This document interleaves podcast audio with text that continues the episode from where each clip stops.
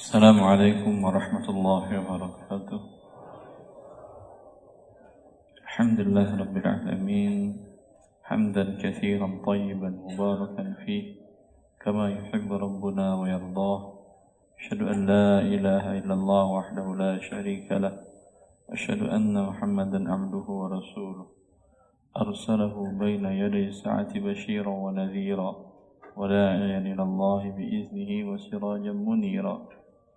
اللهم صل وسلم وبارك وأنعم على نبينا محمد وآله وصحبه أجمعين وبعد إخواني وأخواتي في الله تقبل الله منا ومنكم صالح الأعمال Semoga Allah Azza wa Jal menerima setiap amal soleh yang kita lakukan pada hari-hari yang telah berlalu, bulan-bulan yang mulia, dan hari-hari dan bulan-bulan yang akan kita lalui sampai bertemu dengan Allah Azza wa Jalla. InsyaAllah kita melanjutkan pembahasan dari buku Harta Haram Amalat Kontemporer. Fadl Taqra Syekh. Bismillah, alhamdulillah Wassalatu wassalamu ala rasulillah Wa ala alihi wa sahbihi wa ba'd Qala al-muallif hafizahullah ta'ala Alkohol Alkohol adalah cairan tidak berwarna yang mudah menguap Mudah terbakar Terutama unsur ramuan yang memabukkan. Senyawa organik ini mempunyai rumus kimia C2H5OH Terdapat berbagai jenis alkohol di antaranya. Etanol dengan rumus kimia C2H5OH. Alkohol jenis ini merupakan alkohol yang paling luas digunakan dan merupakan bahan utama yang memabukkan dalam khamar. Dan konotasi alkohol biasanya untuk alkohol jenis ini. Metanol dengan rumus kimia CH3OH. Alkohol jenis ini biasa digunakan untuk mencairkan beberapa jenis zat. Juga digunakan dalam parfum, minyak wangi, dan bahan bakar. Alkohol ini sangat beracun dan dapat mengakibatkan kematian bagi yang meminumnya, sekalipun juga memabukkan. Isopropil alkohol. Alkohol jenis ini sangat beracun dan sama sekali tidak digunakan dalam pembuatan minuman keras. Hanya digunakan sebagai bahan pengawet dengan kadar aman. Juga digunakan untuk sterilisasi, pembersihan kulit dan digunakan di laboratorium dan industri. Ya, baik. Ini pembahasan alkohol karena majunya ilmu teknologi, maka dalam ilmu kimia alkohol itu di, di lambangkan dengan seperti yang telah dijelaskan tadi berbagai bentuknya. Kenapa ini kita bahas? Termasuk dalam pembahasan dalam permasalahan khamar. Allah Azza wa Jalla dalam kitabnya tidak mengucapkan kata alkohol. Dan Rasulullah SAW pun tidak menjelaskan kata alkohol. Allah hanya menjelaskan kata khamar. Ya ayyuhalladzina amanu innamal khamru wal maisiru wal ansabu wal azlamu rijs kata Allah. Wahai orang-orang beriman, sesungguhnya khamar ya adalah rijs rijs itu kotoran najis. Khamar yang memabukkan tersebut itu dibuat oleh orang-orang Arab jahiliyah dari anggur. Peras anggur diperas, cairan perasannya tersebut dibiarkan selama tiga hari, setelah itu berubah dia menjadi khamar dan memabukkan. Dalam penelitian modern sekarang, ternyata yang memabukkan di dalam khamar itu adalah unsur alkohol. Dan seperti yang kita jelaskan tadi, alkohol sebenarnya ada beberapa bentuk. Tapi yang memabukkan itu adalah etanolnya. Alkohol jenis etanol. Ya, itu yang membuat khamar tadi memabukkan. Kalau khamar tadi yang dijelaskan oleh para ahli fikih di masa tersebut di masa-masa dahulu seperti salah seorang ulama dalam madhab Hanafi bila khamar ditaruh di bawah panas sinar matahari selama beberapa hari berlalu siang malam siang malam beberapa hari sehingga dia tidak memabukkan rubah dia menjadi cuka. Karena alkoholnya tadi sudah terbang. Dan cuka adalah kata Rasulullah ni'mal udumu al khallu ya. Uh, lauk yang paling yang paling enak adalah al khall juga kalau Rasulullah mengatakan ni'ma berarti dia adalah sesuatu yang halal. Ketika dia berubah dari yang khamar memabukkan dan haram dan Allah menyuruh kita untuk menghindarinya berubah dan menjadi cuka apa sebetulnya yang terjadi? Ya yaitu adalah etanolnya atau alkoholnya terbang menguap hilang ketika hilang tinggal lagi air dan gula dan beberapa unsur lainnya dan semuanya tidak memabukkan walaupun dipisah walaupun digabung ya maka karena dia tidak memabukkan lagi hukumnya kembali menjadi hukum yang dihalalkan yaitu adalah juga. Karena itu kita bahas di sini alkohol itu. Itu adalah yang etanol.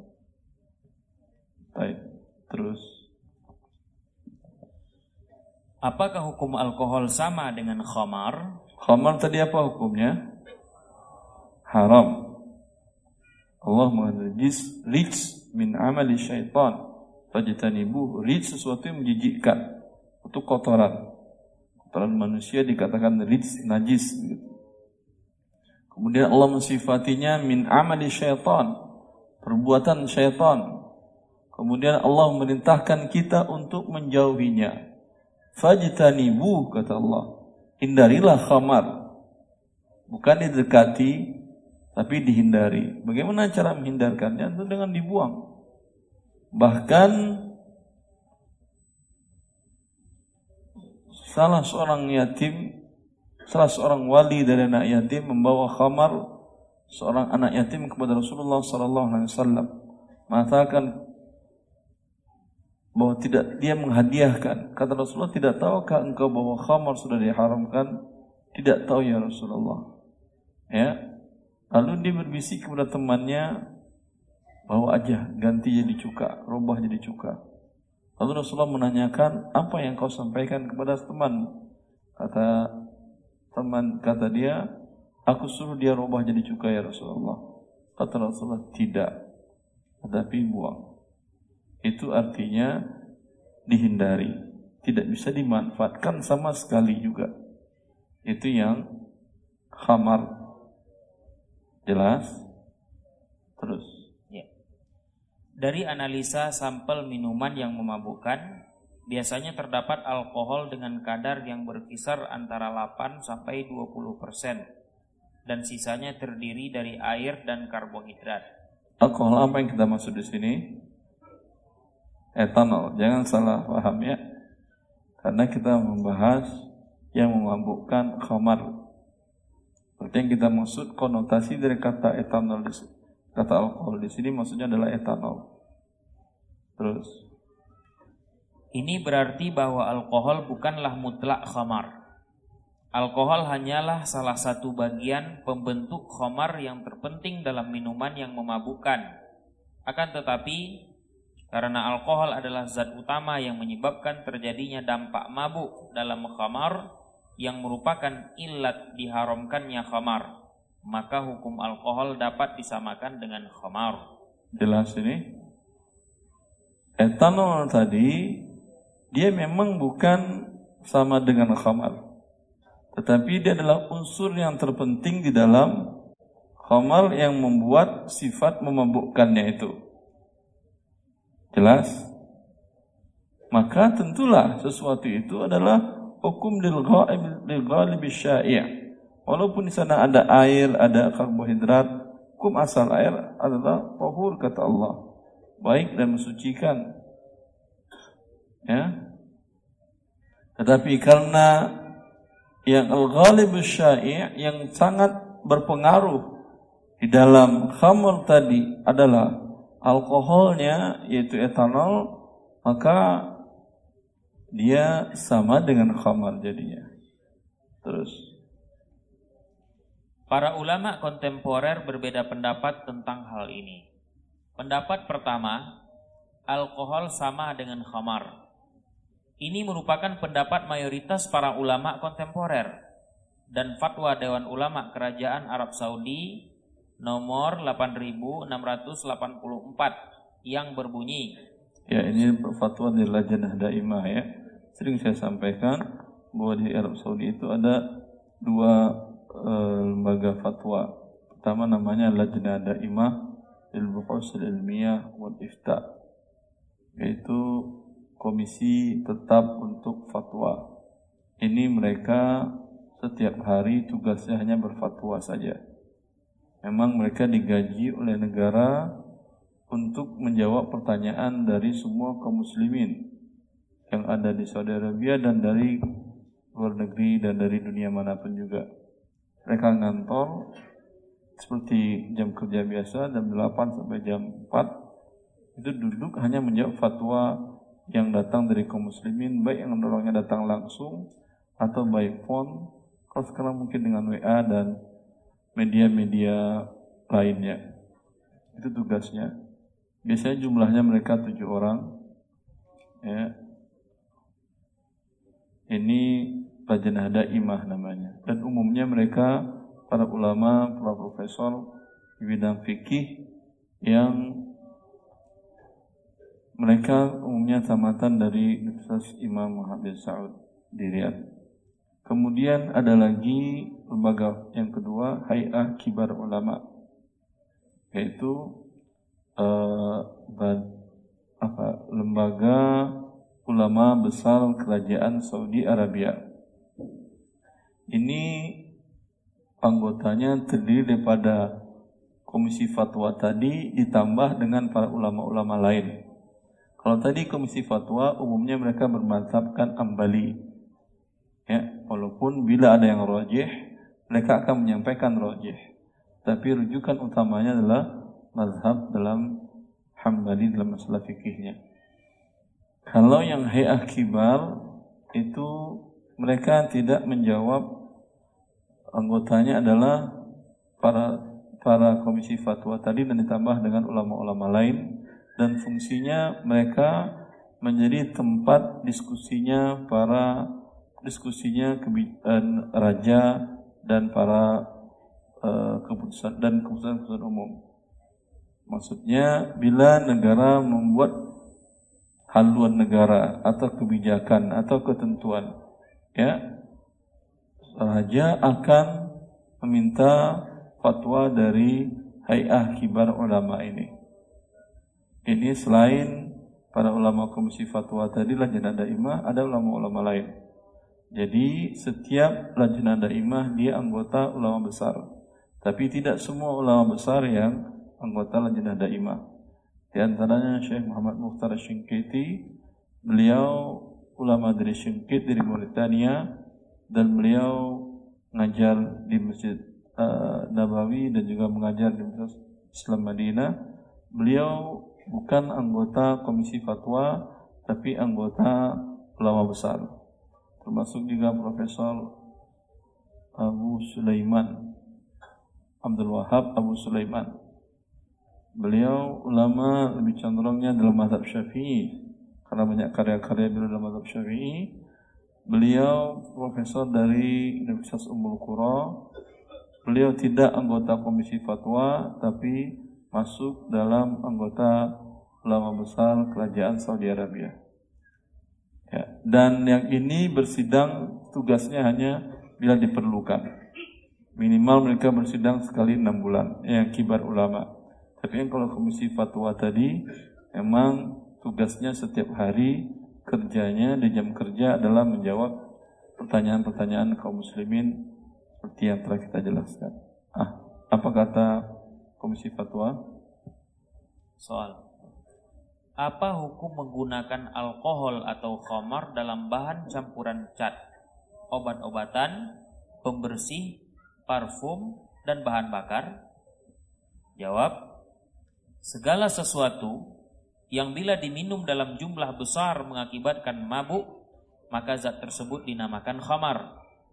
Baik dalam jumlah sedikit ataupun banyak, baik diberi nama alkohol ataupun diberi nama yang lain zat tersebut wajib ditumpahkan dan haram digunakan untuk kepentingan apa pun sebagai zat pembersih, campuran parfum, bahan bakar dan lain sebagainya. Ya, dibuang berarti ya. Gitu ya, dibuang. Ah, terus itu jawaban dari Komisi Fatwa. Fatwa ini ditandatangani oleh Syekh Abdul Aziz bin Baz, Abdul Razak Afifi dan Abdullah Al-Hudayyan rahimahullah. Sudah meninggal semua ini.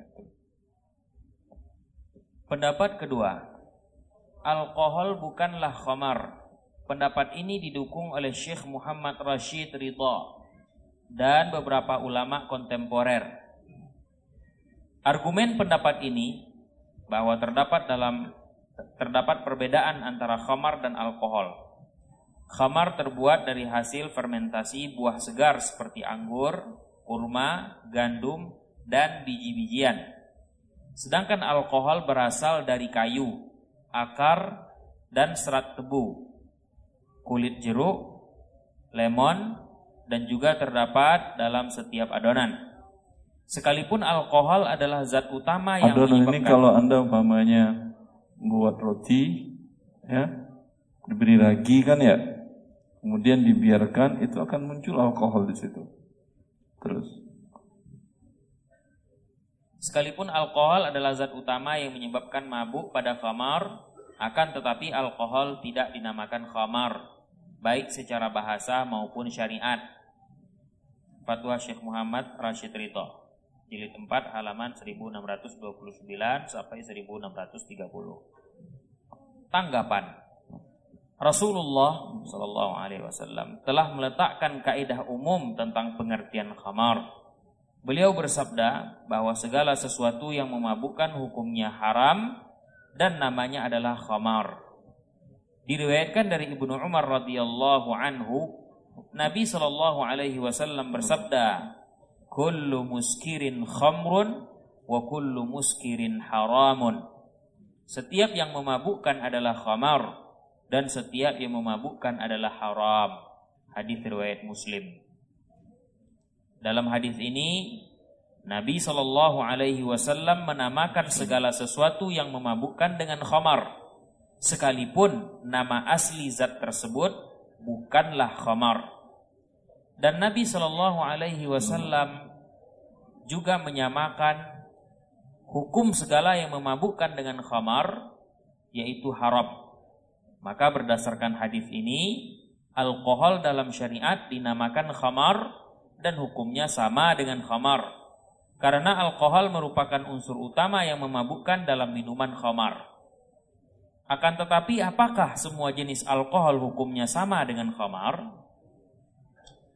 Alkohol merupakan nama untuk zat yang tidak dikenal pada masa Nabi Sallallahu Alaihi Wasallam. Pada saat itu hanya dikenal khamar. Dan karena unsur utama yang memabukkan dalam khamar adalah etanol, maka hanya alkohol jenis ini saja yang hukumnya sama dengan khamar. Tidak boleh digunakan untuk kepentingan apa pun. Adapun alkohol jenis lain yang dapat mengakibatkan kematian bagi peminumnya, maka hukumnya sama dengan racun, boleh digunakan untuk kepentingan apa pun selain untuk diminum. Basim Al-Qarafi An-Nawazil Fit Taharah halaman 402. Ya, dok, sekarang beliau sudah doktor. Ini penelitian beliau, tesis beliau. Ya. Terus memproses khamar alkohol menjadi zat lain. Bolehkah khamar diproses menjadi zat lain yang halal untuk dikonsumsi seperti mengubah khamar menjadi cuka? Para ulama telah sepakat bahwa bila mana khamar berubah menjadi cuka dengan sendirinya tanpa ada campur tangan manusia, cuka tersebut hukumnya menjadi halal, suci. An-Nawawi berkata, para ulama sepakat bahwa apabila khamar berubah dengan sendirinya menjadi cuka, hukumnya halal. Syarah Sahih Muslim. Pendapat pertama, akan tetapi Para ulama berbeda pendapat bila perubahan tersebut karena ada campur tangan manusia sebagaimana hukum melakukan bagaimana, proses. Bagaimana hukum melakukan proses dan hukum hasil yang diproses? dan hasil yang diproses. Paham ini maksudnya? Kalau dia dari khamar tanpa ada campur tangan manusia ya datangkan khamar atau seorang meletakkan khamar di depan rumahnya kemudian kena panas sehingga terbang alkoholnya menguap dan hilang dan berubah dia menjadi cuka, jelas hukumnya ijma' para ulama halal. Karena tanpa ada campur tangan manusia. Sekarang bagaimana kalau prosesnya menjadi cuka itu melalui campur tangan manusia. Memang diolah oleh manusia dari khamar kemudian berubah menjadi cuka. Bagaimana hukum memproses dan hasil prosesnya? Di sini ada beberapa pendapat para ulama. Silahkan. Pendapat pertama, dalam mazhab Hanafi, proses tersebut dibolehkan dan hasil yang telah menjadi wujud lain setelah diproses hukumnya suci boleh dikonsumsi. Mereka berdalil dengan sabda Nabi Sallallahu Alaihi Wasallam saat beliau meminta lauk campuran roti kepada salah seorang istrinya, maka istri menjawab, yang ada hanyalah cuka beliau bersabda, "Ni'mal udumul khal, ni'mal udumul khallu." Lau sebentar. campuran. Istri Nabi ngomongnya begitu, yang ada hanya cuka. yang ada hanya cuka. Ah, nanti bisa nanti terima. Yang ada hanya cuka ya. Ah, nanti bisa. Ya. Ya, terus lauk campuran makanan roti eh, campuran makan roti yang paling enak adalah cuka, lauk campuran makan roti yang paling enak adalah cuka. Masya Allah. Muslim. Iya, kira mau makan dimarahi nggak jadi makan Rasulullah SAW. yang adanya cuka. Kayaknya Rasulullah SAW makan kalau gitu intonasinya. Terus. Nabi Shallallahu Alaihi Wasallam sangat memuji cuka. Padahal cuka terbuat dari khamar. Dan beliau tidak merinci bahwa cuka yang beliau maksud adalah cuka yang berubah dari khamar secara alami atau bukan. Dengan demikian, dapat ditarik kesimpulan bahwa boleh hukum, hukumnya memproses khamar untuk menjadi zat lain yang halal. Ya, ini menurut mazhab Hanafi. Ya. Terus tanggapan? Tanggapan dalil ini tidak kuat. Karena nggak apa-apa marah. Ini lagi diskusi nggak apa-apa marah. Kalau tadi kan minta makan. Kalau sekarang tanggapan berarti kan marah. Silahkan. Ya. Baik. Dalil ini tidak kuat. Karena mungkin saja yang dimaksud Nabi Shallallahu Alaihi Wasallam adalah cuka yang berubah wujud secara alami. Karena Allah telah mewajibkan untuk menjauhi khamar maka proses perubahan khomar yang dilakukan dengan sengaja berarti mendekati khomar yang merupakan sebuah pelanggaran terhadap larangan Allah. Ya. Madhab Hanafi berdalih bahwa memproses khomar menjadi cuka boleh.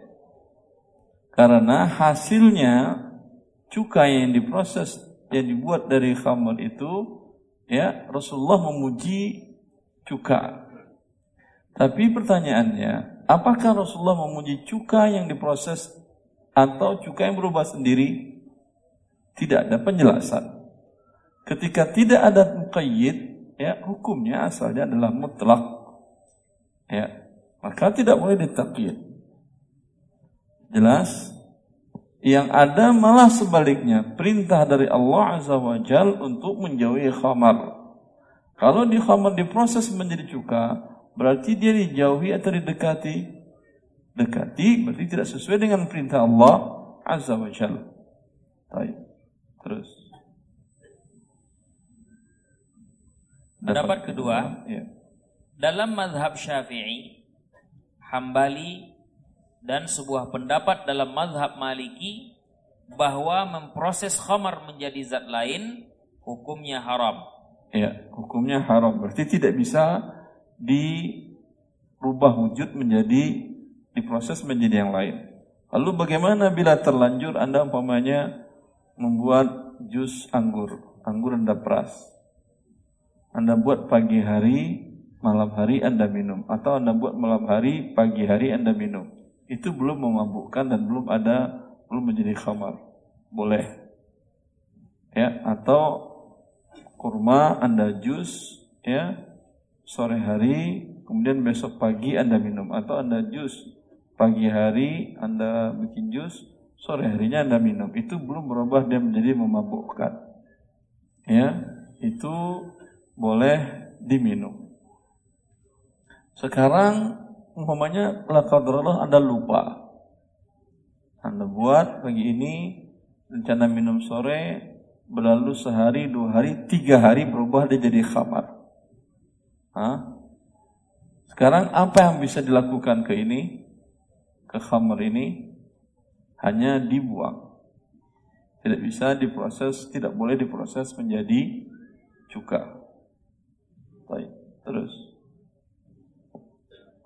Berdasarkan hadis yang diriwayatkan oleh Anas bin Malik bahwa Nabi Shallallahu Alaihi Wasallam ditanya tentang bolehkah khamar diproses menjadi cuka, maka beliau menjawab tidak. Hadis riwayat Muslim. Dalam hadis lain, Abu Talha bertanya kepada Nabi Shallallahu Alaihi Wasallam tentang khamar anak yatim yang merupakan warisan orang tuanya yang telah meninggal. Maka Nabi Shallallahu Alaihi Wasallam bersabda, tumpahkanlah khamar itu. Abu Talha berkata, bolehkah saya proses menjadi cuka? Nabi Shallallahu Alaihi Wasallam bersabda, tidak. Hadis riwayat Abu Dawud, hadis ini disahihkan oleh Syekh Al Albani. Ya, kalau itu boleh, tentu harta anak yatim dalam Islam kan dipelihara. Sangat dimuliakan harta anak yatim itu. Tetapi ketika Rasulullah SAW harta warisan itu adalah berbentuk khamar, subhanallah. Orang tua mewariskan khamar ke anaknya. Karena memang di waktu itu sebelum khamar diharamkan, dia adalah minuman yang sama seperti kalau Anda lihat sekarang orang-orang kafir di barat, bagaimana hubungan mereka dengan khamar, dengan alkohol itu, Begitu dahulu orang Arab jahiliyah. Ya. Kalau belum minum khamar mereka belum minum. Sama kalau anda belum makan nasi belum makan namanya. Walaupun lontong udah tiga piring, ah, tapi belum nasi, belum makan namanya. Bubur udah ah, dua setengah piring, pecel berapa piring? Satu, udah satu. Lima piring sudah, tapi belum nasi masuk, belum makan. Kayak begitu mereka di masa jahiliyah dahulu. Ya. Karena dia sesuatu yang dibutuhkan dan diinginkan orang banyak, dia menjadi barang yang berharga dan mahal. Sehingga seorang orang tua, seorang bapak sering menyimpannya di dalam rumahnya dalam kendi yang besar. Ya. Sehingga ketika dia wafat, ini jadi warisan. Anaknya masih yatim. Abu Talha menerima warisan khamar ini. Lalu menyampaikannya kepada Rasulullah, bolehkah dirubah menjadi ah, cuka? Kata Rasulullah SAW, tidak. Ya, terus. Dua hadis di atas sangat tegas menjelaskan larangan Nabi Shallallahu Alaihi Wasallam untuk memproses khamar menjadi cuka, sekalipun khamar itu milik anak yatim dan setiap larangan yang menunjukkan bahwa hukum yang dilarang adalah haram. Dan setiap larangan menunjukkan bahwa hukum yang dilarang adalah haram. Terus. Cuka yang diproses melalui cara haram. Para ulama yang mengharamkan proses pengubahan khamar menjadi cuka berbeda pendapat apabila cuka hasil proses itu menjadi suci, halal ataukah tetap najis? Ya. Tadi memprosesnya hukumnya halal atau haram? Haram. Bila ada orang yang proses menjadi cuka dia, apakah cukanya juga ikut menjadi haram? Ini pertanyaannya dan ini jawabannya. Silahkan. Sebagian mereka berpendapat bahwa hukumnya tetap najis dan tidak halal dikonsumsi. Karena sebuah asar yang diriwayatkan dari Umar bin Khattab radhiyallahu anhu bahwa beliau pernah berkata, "Jangan kalian makan cuka yang terbuat dari khamar kecuali perubahan terjadi secara alami." Asar ini diriwayatkan oleh Al-Baihaqi. Sebagian lagi pendapat bahwa memang hukum prosesnya haram. Namun hasil yang diproses telah berubah wujud menjadi cuka bukan lagi khomar dan cuka hukumnya halal suci. Wallahu a'lam. Pendapat yang tetap menganggap najis cuka yang diproses dengan cara haram dari tinjauan saddud dzari'ah. Saddud dzari'ah yaitu melarang sesuatu hal yang hukumnya boleh tetapi ada kemungkinan hal tersebut dapat mengantarkan kepada hal yang haram. Ya. Asal dari Umar bin Khattab yang melarang itu karena kalau beliau bolehkan orang akan bikin khamar lalu kata dia nanti akan bikin juga. Ya. Sehingga khamar akan banyak ditemukan. Karena dia sebuah proses untuk mendapatkan cuka. Ini hak Umar untuk melarangnya agar orang uh, tidak seenaknya membuat khamar dengan alasan akan dirubah menjadi cuka. Terus. Nah, lebih kuat dan pantas diterapkan Umar dalam kebijakannya sebagai khalifah agar tindakan haram memproses khamar menjadi cuka tidak dilakukan orang untuk meraup keuntungan duniawi. Maka sebagai pengambil keputusan dalam sebuah negara patut untuk mengikuti pendapat ini. Adapun dari tinjauan dalil, pendapat yang menghalalkan cuka yang diproses dari khamar lebih kuat karena memang khamar telah berubah menjadi cuka dan cuka hukumnya halal yang diharamkan hanyalah prosesnya dan bukan cukanya. Ya. Jelas ini? Paham? Berarti boleh Anda makan bakso pakai cuka? Walaupun dari kamar?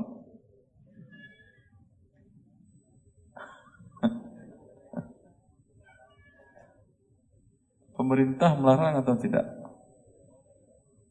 Boleh?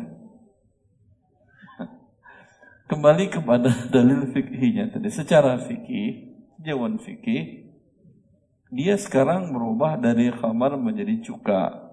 Dan Rasulullah mengatakan, lauk yang enak, yang paling baik adalah cuka. Berarti dia halal. Rasulullah kan nggak nanyakan, apakah ini cuka dari khamar atau bukan. Berarti hukum asalnya halal atau tidak? Halal. Begitu juga kalau Anda dapat diberikan juga di atas meja ketika makan bakso atau yang panas-panas. Yang hangat perlu ditanyakan ini dari mana ini? Dari yang dari khamar atau bukan? Hah? udah masukin aja dan makan. Kalau anda suka juga. Jelas ini? Kecuali anda sebagai pemegang kebijakan. Andai anda umpamanya sebagai wali kota atau kementerian perdagangan atau pemegang kebijakan dalam pengolahan makanan obat-obatan ya ini hak Anda untuk mengharamkan melihat meninjau pabrik-pabrik cuka agar mereka tidak membuatnya dari khamar. Paham? Terus. Makanan dan minuman beralkohol. Beberapa jenis makanan mengandung alkohol yang berasal dari proses fermentasi alami, seperti roti yang mengandung alkohol disebabkan proses adon, adon, adonan yang dicampur ragi. Ya, seperti yang kita jelaskan tadi, itu pasti ada alkoholnya. Terus? Pada saat roti dipanggang, dibakar, umumnya alkohol yang terdapat pada adonan tadi menguap, terurai, tanpa meninggalkan bekas sama sekali. Alkohol juga terdapat pada jus buah-buahan. Khusus jus anggur kadarnya bisa mencapai 1%. Juga terdapat pada susu dengan kadar terkadang sampai 0,5%. Akan tetapi minuman ini tidak memabukkan sekalipun dikonsumsi dalam jumlah besar. Hukum makanan ini halal sekalipun mengandung alkohol karena yang diharamkan adalah makanan yang dalam jumlah besar memabukkan maka sekalipun jumlahnya kecil tetap diharamkan. Sesuai dengan sabda Nabi sallallahu alaihi wasallam ma askara kathiruhu faqaliluhu haramun. Sesuatu yang memabukkan dalam jumlah besar maka hukumnya haram sekalipun dalam jumlah kecil. Hadis riwayat Abu Dawud hadis ini disahihkan oleh Syekh Al-Albani kenyataannya Makanan ini tidak memabukkan bila dikonsumsi dalam jumlah besar. Dengan demikian, maka hukumnya halal dan boleh dijual belikan. Dan juga makanan ini sudah ada semenjak zaman Rasulullah SAW. Beliau tidak melarang untuk memakannya. Dengan demikian, hukumnya adalah halal. Jelas ini. Anda tadi beli anggur. Lalu Anda peras sampai sore hari itu sudah terbentuk alkohol 0,5 persen. Boleh ini anda minum? Hah? Boleh, karena di masa Rasulullah SAW pun itu boleh diminum. Apakah ini boleh menjadi alasan kalau bir dengan kadar alkohol 0,55% halal? Kan sama-sama 0,5%. Tanya saya, apakah ada bir yang 0,5% tadi di masa Rasulullah ada dan diminum Rasulullah? Ada atau tidak? Jawabannya pasti tidak. Karena bir yang 0,5% tadi itu ya itu ditambahkan alkohol. Paham?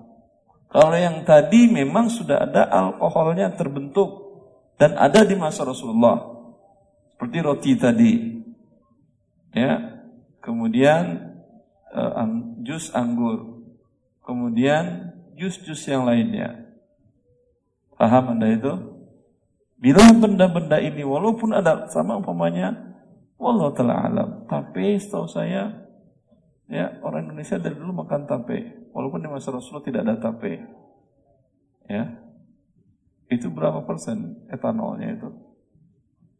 Hah? 40 persen.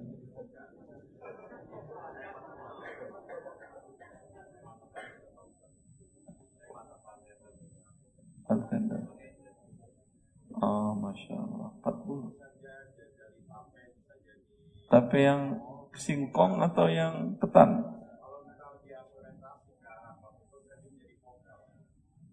Vodka. Ah, Itu yang berapa hari di, didiamkan? Dari mulai dibuat sampai berapa hari dia menjadi 40 persen?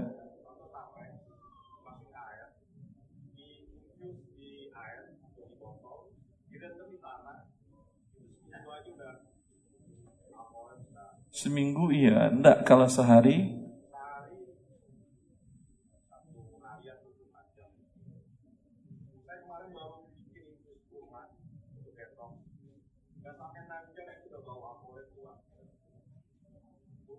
kurma. Kurma sehari dua hari masih dibolehkan oleh Rasulullah SAW. Masalah dia berbau alkohol atau tidak, tidak ada masalah. Seperti yang tadi jus anggur tadi 0,5 persen. Ya, tapi di masa Rasulullah sudah ada. Dan pun anda buat adonan kue, ya, bikin donat, bikin kue apa, kan anda biarkan sekitar 6 jam, 7 jam, atau bahkan semalam. Itu kalau anda bau, bau alkohol atau tidak? alkohol dia. Tapi sudah ada di masa Rasulullah hal seperti itu. Ini perbedaan alkohol dengan khamar. Paham? Baik. Terus. Makanan dan minuman yang ditambahkan alkohol. Sekarang ditambahkan. Paham? Berarti memang dia air biasa dimasukkan alkohol. Sehingga alkoholnya menjadi umpamanya sekian persen kecil, 0,5 persen atau 0,3 persen atau 0,1 persen. Ya, ini bagaimana hukumnya? Ini akan kita bahas. Silahkan. Alkohol digunakan secara luas dalam industri pangan sebagai zat pewarna, rasa, dan bau agar menarik untuk dikonsumsi. Terkadang sengaja ditambahkan ke dalam makanan dalam jumlah besar, seperti dalam proses pembuatan es krim, berbagai jenis kue, minuman non-alkohol, dan buah-buahan yang dapat memabukkan. Hukum menggunakan alkohol dalam produk makanan diharamkan dalam Islam karena ini melanggar perintah Allah yang memerintahkan seorang muslim untuk menjauhi khamar. Oleh karena itu, para ulama dari berbagai mazhab melarang penggunaan khamar untuk apa pun jua. An-Nafrawi, ulama mazhab Maliki, wafat tahun 1125 Hijriah berkata, Adapun khamar maka tidak halal digunakan untuk apa pun jua dan khamar wajib ditumpahkan. Al-Fawaqih Ad-Dawani jilid 1 halaman 390. Ibnu Hazmi wafat tahun 456 Hijriah berkata, Barang siapa yang sengaja merendam ikan dengan khamar, lalu ditambahkan garam untuk dibuat muri, sejenis lauk. Sungguh dia telah durhaka terhadap Allah. Dia wajib diberi sanksi hukuman. Oh, ya. Karena khamar tidak halal digunakan untuk apa pun jua juga tidak halal dicampurkan ke dalam apa pun jua. Khamar hanya ditumpahkan. Oh, ya. Al-Muhalla bil Athar jilid. Ya. Ada orang buat rakam seperti ini ada kan ya? Ikan dimasukkan dalam khamar. Ah, subhanallah. Kalau Ibn Hazmi hidup, cambuknya ini. Berapa dari cambuknya? He? Sanksi hukuman aja ya. Terus. Terus. Akan tetapi, bila makanan atau minuman tersebut telah dicampur alkohol oleh sebuah pabrik makanan atau minuman, seperti minuman berkola, yang menggunakan alkohol untuk melarutkan zat kola, apakah halal menjual produk yang mengandung alkohol tersebut, dan apakah halal untuk dikonsumsi? Hal ini terbagi dua keadaan. Pertama, Alkohol yang dicampurkan ke dalam makanan atau minuman tidak terurai, masih terdapat bau, rasa, atau efek memabukkan. Para ulama sepakat bahwa makanan atau minuman ini tidak boleh dikonsumsi, tidak boleh diperjualbelikan, dan wajib dilenyapkan. Karena makanan atau minuman ini bercampur alkohol, khamar yang haram dikonsumsi. Al-Qarafi An-Nawazil Fit-Taharah jilid 1 halaman 453. Kedua, alkohol yang dicampurkan ke dalam makanan atau minuman telah terurai. Tidak terdapat lagi bau, rasa, warna dan tidak menyebabkan mabuk manakala makan makanan atau minuman tersebut dikonsumsi. Para ulama berbeda pendapat tentang kehalalan makanan atau minuman jenis ini. Pendapat pertama, Menurut mazhab Hanafi, Maliki, Syafi'i, makanan atau minuman ini tidak halal karena telah bercampur alkohol, khamar. Dan alkohol, khamar adalah najis. Maka berarti makanan atau minuman ini telah bercampur najis. Hukumnya berubah menjadi najis yang tidak boleh dikonsumsi dan haram diperjualbelikan. Ibnu Abidin berkata, Bila setetes khamar jatuh ke dalam air yang tidak mengalir, maka air itu menjadi najis, sekalipun khamarnya telah larut menjadi air. Begitu juga bila setetes khamar jatuh ke dalam panci makanan, mak makanan tersebut menjadi najis, sekalipun telah larut dalam makanan. Al-Mansur fil, fil Qawaid jilid 1 halaman 126 sampai 127. Zarkashi ulama madhab syafi'i wafat tahun 794 Hijriah berkata, Bila seseorang mencampurkan setetes khamar ke dalam air hingga hilang sifat memabukkannya, lalu ia minum, maka ia tidak dihukum cambuk karena khamarnya telah larut. Akan tetapi haram hukum meminumnya karena air tersebut telah bercampur najis dan najis haram dikonsumsi. Pendapat kedua, menurut sebagian ulama dalam mazhab Hambali, Abu Yusuf, murid langsung Imam Abu Hanifah, dan Ibnu Hazam, Ibnu Hazmi, bahwa makanan atau minuman yang telah bercampur khamar, alkohol, hingga larut atau terurai dalam makanan, tidak terdapat lagi bau, rasa, dan tidak ada efek memabukkan khamar, alkohol, maka hukumnya halal dikonsumsi dan halal dijual belikan. Mereka beralasan bahwa khamar diharamkan karena memabukkan. Sedangkan makanan atau minuman yang dicampur khamar, alkohol, kemudian larut atau terurai, tidak lagi memabukkan. Ini menunjukkan bahwa khamar telah berubah wujud menjadi zat lain. Dengan demikian, makanan dan minuman yang sejak awalnya adalah makanan yang halal, tidak terpengaruhi hukumnya oleh campuran alkohol yang kemudian terurai atau larut. Abu Yusuf wafat tahun 181 Hijriah berkata, daging yang dimasak pakai khamar hukumnya halal dengan syarat didihkan, lalu didinginkan, kemudian dididihkan, lalu didinginkan sebanyak tiga kali. Ya, berarti alkoholnya udah terbang, terurai. Terus Ibnu Hazmi berkata, Barang siapa yang sengaja merendam ikan dengan khamar lalu ditambah garam untuk dibuat muris jenis lauk, sungguh dia telah durhaka terhadap Allah, dia wajib diberi sanksi hukuman, namun apabila hilang bau, rasa atau warna khamar karena telah larut dan tidak memabukkan, maka hukumnya halal untuk dimakan dan dijual.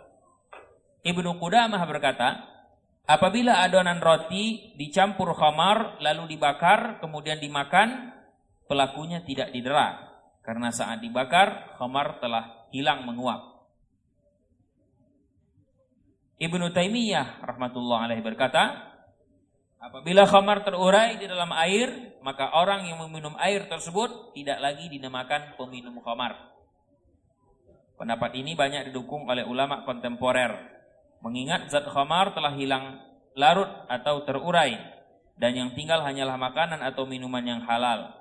Sebagaimana khamar murni bila berubah wujud menjadi cuka, hukumnya berubah menjadi halal. Apatah lagi khamar pada makanan atau minuman ini hanya dicampurkan dan bukan bahan dasar. Wallahu a'lam.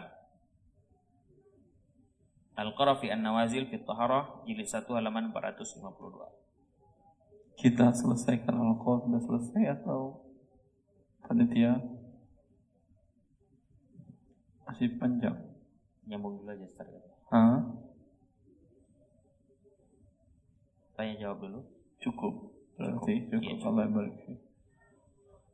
Silahkan yang mau bertanya. Bismillah. Eh, silakan untuk dua penanya Ikhwan, nanti setelahnya dua penanya Ahwat. Silakan, Ikhwan.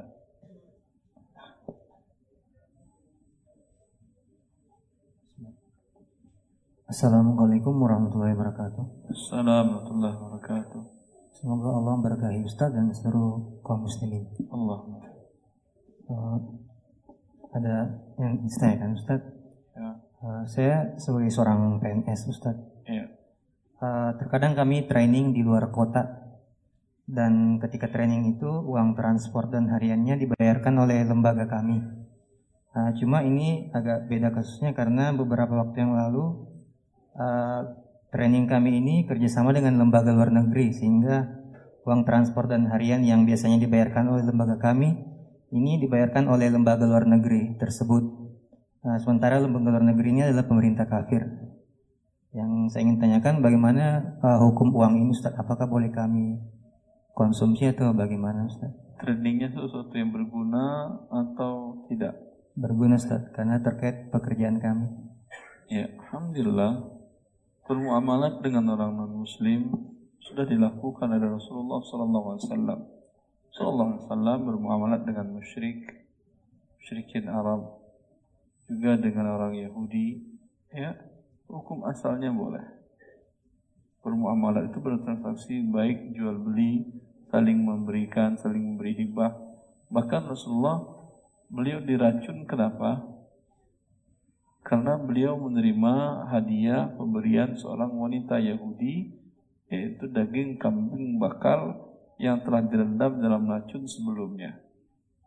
Ya. Dan Rasulullah SAW ketika diundang oleh wanita Yahudi tadi beliau ajak sahabatnya. Setelah seorang sahabatnya makan Rasulullah pun menggigit beberapa potong.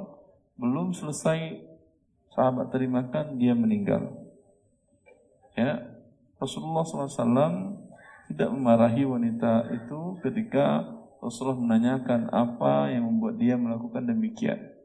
Wanita itu mengatakan, kalau engkau Rasulullah pasti Allah akan menjagamu dari makar yang aku buat. Tapi kalau engkau adalah Nabi gadungan, Rasul gadungan, pasti engkau akan mati. Ya, maka Rasulullah SAW tidak memarahi dalam kasus ini, tetapi an-nafsu bin nafsi, jiwa dibalas jiwa.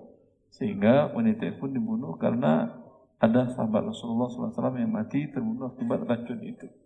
Walhasil ini menunjukkan bahwa Rasulullah SAW bertransaksi dengan Yahudi menerima hadiah mereka juga. Jelas? Allah Terakhir Ustaz terkait memilih tempat makanan. Saya kadang masih bingung Ustaz. Misalnya ada tempat makanan, apakah itu kios, rumah makan, atau tenan-tenan di mall Ustaz yang tidak kita ketahui apakah dia muslim atau bukan dan tidak ada uh, label halal MUI-nya, bagaimana keedahnya kita memilih tempat makan seperti itu Ustaz dan juga mungkin seperti di uh, hotel-hotel uh, yang misalnya dimiliki jaringan-jaringan asing tertentu atau yang tidak kita tahu uh, statusnya Ustaz. Ya. Wallah taala alam Beberapa rumah makan jelas ada tahu hukumnya seperti rumah makan yang apa nasional. Ada yang warteg. Itu halal atau ada yang haramnya? Halal umumnya halal. Padang warung Sunda. Ya udah makan di situ. Nggak ada di mall gitu. Banyak Ustaz. ah, banyak alhamdulillah. Kalau sesuatu yang hukum asalnya adalah haram seperti umpamanya masakan-masakan dari beberapa negara. Ada masakan-masakan tertentu yang itu dicampur dengan khamar, ya, campur dengan alkohol. Kalau itu wajib Anda harus memeriksa melihat ada label halalnya atau tidak dan wajib Anda tanyakan kepada dia. Ini sudah ada sertifikasi halal atau belum? Jelas? Kalau dibilang sudah, ya Alhamdulillah. Asalnya boleh. Kalau yang di warung Sunda tadi jangan tanya, ada sertifikasi halal atau tidak? Digebukan nanti, nanti apa orang Padang. Nenek moyang kami muslim akhir. Jelas. Allah Seperti yang hotel uh, breakfast kayak di hotel itu mengikuti kaidah tadi Ustaz. Iya, kaidah umumnya. Oh, Jazakallah. Allah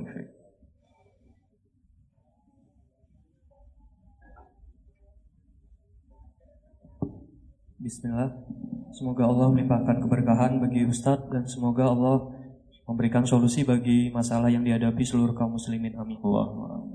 Uh, sebelumnya saya ingin bertanya ke panitia terlebih dahulu untuk kajian uh, bulan lalu dan dua bulan dan dua bulan lalu apakah videonya sudah diupload di channel resmi karena saya cek uh, sampai saat ini belum ada. Panitia jawab. Qadarullah belum akhir Insya Allah segera karena beliau yang bagian ngeditnya. Ya, insya Allah. Baik. Uh, lalu saya ingin bertanya kepada Ustadz. Uh, saya mendengar ceramah Ustadz tentang pembahasan bank syariah Ustadz. Tentang? Tentang pembahasan bank syariah. Bank syariah. Di video tersebut Ustadz mengatakan bahwa di Indonesia belum ada bank syariah yang 100% syariah. Lalu Ustadz menyebutkan salah satu contohnya pada akad KPR di bank syariah, di situ terdapat penalti. Dan Ustadz menjelaskan bahwa penalti pada akad KPR tersebut merupakan bentuk riba. Lalu saya bertanya kepada teman saya Ustadz yang bekerja di bank salah satu bank syariah Iya. dan pada saat dia mendapatkan pendidikan dia mengatakan bahwa penalti yang diberikan bank syariah tujuannya untuk mendisiplinkan dan penalti tersebut tidak dimanfaatkan bank syariah melainkan disedekahkan dan dia mengatakan pada pelatihannya tersebut jika dimanfaatkan untuk eh, sedekah bukan dikonsumsi untuk kepentingan bank syariah tersebut untuk keuntungan mereka maka pada pelatihan tersebut dikatakan boleh apakah benar seperti itu Ustaz? Anda bertanya kepada saya tapi bukan tentang ceramah saya tadi berarti. Eh, saya kan membandingkan ceramah Ustadz dengan Iya, iya, berarti kan ceramah training Iya. teman Anda kan Iya, ya? betul. Ah, baik. Terus. jadi Tanyakan ke dia kenapa harus diberikan kepada sosial. Kenapa? yang itu belum saya tanyakan Ustadz. Karena dia akan jawab karena ini pendapatan non halal. Iya atau tidak? Anda berusaha berbisnis tujuannya ingin mendapatkan laba, uang atau ingin sebagai sosial. Laba. Yang sosial nanti kewajibannya zakat. Paham? Paham Ustadz. Kalau dia usaha tujuannya untuk sosial. Jawabannya pasti adalah karena ini pendapatan non halal, karena itu kami distribusikan ke bagian divisi sosial kami. Kenapa? Karena non halal. Non halal itu maksudnya apa? Karena riba. Jelas? Jelas Ustadz. Apakah riba halal? Tidak Ustadz. Tidak. Terus Baik. eh, lalu pada saat ketika riba menjadi sosial jadi halal gitu? tidak Ustadz. Ah, bilang ke teman anda tadi ya. Nah, masalahnya Ustadz pada saat saya me- memberikan video ceramah Ustadz ke teman saya, em, teman saya memiliki pola pikir eh, bank syariah itu kan di bawah pengawasan DSN Dewan Syariah Nasional, dan dia memiliki pola pikir bahwa ketika bank syariah diawasi DSN dan orang-orang yang ada di DSN itu bukan orang-orang yang tidak berilmu, maka dia berpendapat bahwa bank syariah itu sudah 100% syariah. Lalu bagaimana caranya menasehati atau mendakwahi teman saya tersebut Ustaz? Eh, wallahu alam. Apakah semua yang diawasi hasil pengawasannya 0% tidak ada hak yang tidak diinginkan? Belum tentu Ustaz. Ya udah. Bilang ke teman anda. Baik Ustaz. Ya. Lalu eh, yang terakhir Ustaz, em, saya mendengar ceramah Ustaz juga tentang pembahasan imani, GoPay dan semacamnya tentang cashback Ustaz. Ustaz menjelaskan bahwa akad pada saat kita top up atau mengisi saldo imani itu merupakan akad core, yaitu hutang piutang.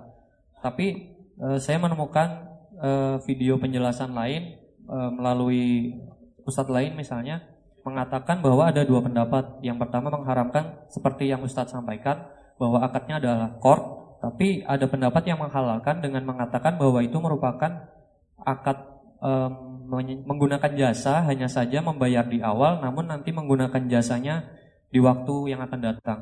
Lalu bagaimana penjelasan dari kedua pendapat ini Ustaz? Eh, anda ketika top up beli jasa atau naruh uang? Naruh uang Ustaz. Ya udah berarti namanya kort. Kalau Anda ketika store uang tujuannya bilang ke dia, saya store uang sekarang berangkat naik pesawat 6 bulan lagi. Store uang sekarang. Ini namanya sewa jasa. Atau Anda store uang sekarang dapat pulsa sekian. Kan nanti akan Anda gunakan itu. Ini betul sewa jasa. Jasa komunikasi, telekomunikasi. Jelas? Tapi kalau Anda store uang, belum tentu mau jasa apa, ya, mau beli apa, Berarti kan naruh uang. Iya atau tidak? Iya Ustaz. Berarti dia kor atau sewa jasa? Kort Ustaz. Alhamdulillah. Baik Ustaz. Terima kasih atas jawabannya. Jazakallahu khairan. Allah barik. Silakan Ahwat. Bismillah, Assalamualaikum warahmatullahi wabarakatuh. Assalamualaikum warahmatullahi wabarakatuh. Ustadz Afan mau bertanya, kalau kandungan yang ada di dalam daun ganja yang kering maupun yang basah, apakah itu termasuk uh, khamar juga atau alkohol juga? Ulangi ibu kandungan Kandungan yang terdapat di daun ganja yang basah maupun yang kering. Karena bisa kita tahu di sebagian uh, wilayah Indonesia itu ada yang memakai untuk memasak. untuk jadikan bumbu. Iya bumbu juga dan uh, sayuran biasanya juga. Ah, masya Allah. Ya, jazakallah khair. Ini penelitian narkoba berarti bukan masalah alkohol lagi. Ada saya bahas tentang narkoba, ya. Wallahu alam. Di sebagian negara berbeda-beda. Kalau di Indonesia tadi ganja, sebagian negara lain seperti di Yaman namanya alqat. Alqat. Ya. Itu biasa mereka guna mereka makan seperti orang makan sirih kalau di kita. Alqat. Alqat itu orang biasa melakukan, tapi para ulama di sana pun mengharamkannya. Ya. Sama dengan ganja tadi. Kebiasaan orang memakannya dan membuatnya menjadi sayuran tidak tidak serta merta langsung menjadi halal. Berbeda kalau itu ada di masa Rasulullah Sallallahu Alaihi Wasallam dan Rasulullah ikut memakannya atau melihatnya dan diam saja itu iya bisa kembali kepada hukum asal dari tumbuhan dan makanan adalah halal. Huwallazi khalaqalakum ma fil ardi jami'a. Dialah Allah yang telah menciptakan untuk kalian segala yang ada di atas muka bumi ini. Jelas Ibu ya? Ya. Jadi tidak mengapa ya Ustaz? Tidak boleh. Oh tidak boleh kan? Haram. Nah, Ya. ya Ustaz, jazakallah khairan barakallahu Allah fiik. Kan tadi saya bilang tadi di Yaman ada dengan nama Al-Quds dan para ulama dunia mengharamkannya. Ya.